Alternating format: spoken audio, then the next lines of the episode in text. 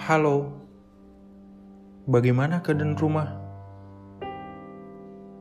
Apakah rumah masih menjadi tempatmu untuk bercerita? Atau kamu sudah merasa tidak nyaman di dalamnya? Oh iya, sebelum bercerita terlalu dalam, perkenalkan, aku Venus.